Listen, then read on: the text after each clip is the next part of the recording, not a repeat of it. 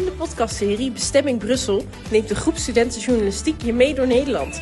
Het gaat om kwesties in de verschillende regio's die in Brussel besproken moeten worden. We beginnen in regio Noord.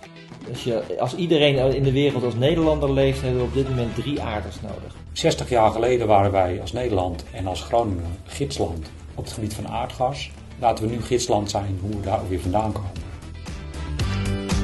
Vervolgens reizen we door naar regio Midden. Ja, maar het is natuurlijk bijzonder dat een wolf er niet overheen springt. Een hond kan natuurlijk best goed springen eigenlijk. Maar die wolf heeft het op een of andere manier nog niet geleerd. PFAS wordt uitgestoten. Nou, daar word je ziek van, daar krijg je kanker van, dan kan je zelfs aan dood gaan. En we eindigen in het zuiden van Nederland. Uh, funderingen scheuren, dat gevels uh, scheuren, dat vloer, vloeren scheef gaan staan. Zeeland heeft een, uh, een eilandenstructuur en daarmee is de bereikbaarheid wel kwetsbaar. Dit is Bestemming Brussel. Deze serie is te beluisteren op Spotify en op de website van Brusselse Nieuwe.